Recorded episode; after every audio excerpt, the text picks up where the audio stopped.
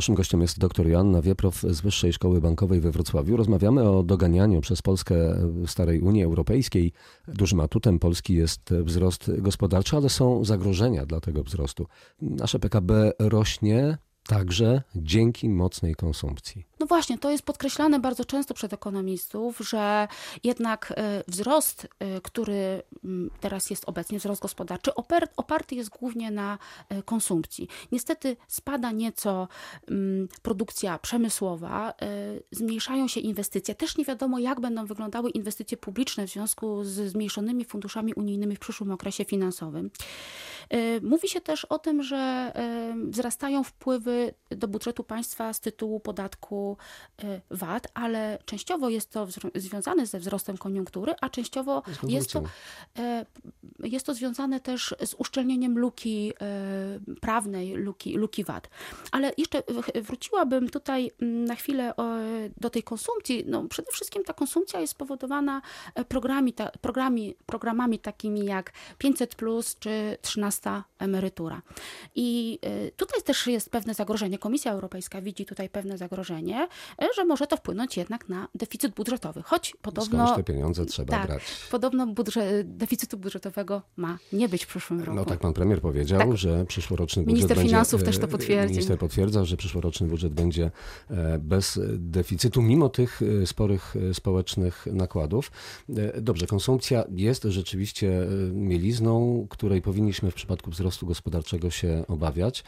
Jeszcze raz o rynku pracy i pracownikach przebranżowianiu, młodzi ludzie powinni kłaść nacisk na edukację. My powinniśmy ich uczyć stawiać tak. na innowacje? Znaczy, tutaj są dwie rzeczy. Innowacje to jest, e, faktycznie Polska e, ma problem z innowacjami. Nie zajmujemy e, czołowych lokat, jeżeli chodzi o indeksy związane z innowacją.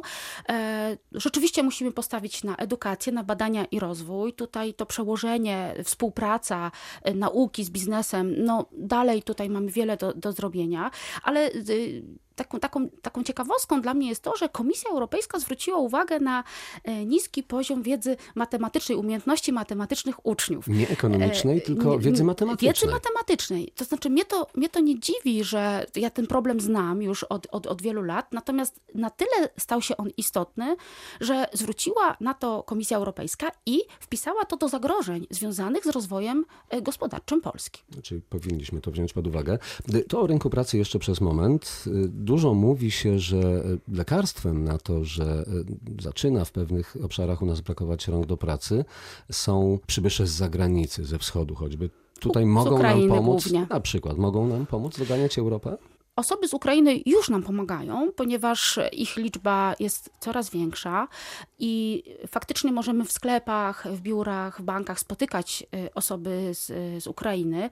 Y, na pewno pomogą, ale pamiętajmy, że też bardzo wiele osób, jeżeli ma taką możliwość, wyjeżdża do Niemiec, gdzie y, zarobki są nie w złotych, tylko w euro. Więc oni też no, pewnie z, z tak Polski tak mogą uciekać i być może będziemy musieli pomyśleć o pracownikach jeszcze z innych krajów, nie tylko z Ukrainy. Ale to jest sposób na Oczywiście, radzenie sobie. Tak. Mhm. Polska dzisiaj e, jest e, średniakiem światowym, jeśli chodzi o PKB czy no, troszkę wyżej średniej już? E, jeżeli bierzemy pod uwagę PKB nominalne, to Polska zajmuje 22 miejsce na świecie. No, Natomiast jeżeli chodzi o PKB per capita, to jest 56 miejsce na świecie. Per capita, czyli, czyli ile e, konkretnie tak, przypada na, na tego jedną, PKB na osobę? Na osobę. Mm, czyli sporo jeszcze do zrobienia. Ale oprócz takich sztywnych wskaźników są inne. No, dzisiaj Polak, który jedzie na zachód, e, już nie tak jak 15-20 lat temu każdy z nas czuł się jak kopciuszek na balu, tylko czuję, że coś się zmieniło. Tak, oczywiście myślę, że żyjemy na, mimo tych wszystkich wskaźników, żyjemy na podobnym poziomie jak inni mieszkańcy Unii Europejskiej. O tej zamożności e, Polski świadczy też inny wskaźnik, e, wskaźnik e, chociażby HDI. Jest to wskaźnik, który został opracowany w 1990 roku przez ONZ i jest to wskaźnik, który pokazuje, jaki jest rozwój społeczno-gospodarczy danego kraju i bierze on pod uwagę nie tylko, B, e, nie tylko PKB per capita, ale również e, oczekiwaną długość życia, czy e, średnią liczbę lat edukacji, czyli bierze pod uwagę też inne czynniki Społeczne e, społeczne, tak, społeczne wskaźniki, nie tylko ekonomiczne.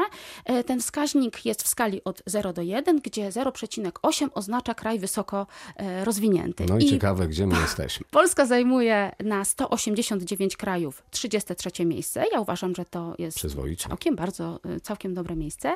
E, Ze wskaźnikiem e, 0,865, Czyli co jesteśmy oznacza, krajem wysoko że jesteśmy krajem wysoko rozwiniętym. E, No i tego się trzymajmy. E, Gonimy starą Unię Europejską, gonimy Niemcy. E, Oby szybciej niż te prognozy, których pani nie lubi, ale wskazują 21 lat do Niemiec, 14 do starej Unii Europejskiej. To jeszcze za naszego życia. No mam nadzieję. Naszym gościem była dr Joanna Wieprow z Wyższej Szkoły Bankowej we Wrocławiu. Dziękuję za rozmowę. Dziękuję bardzo.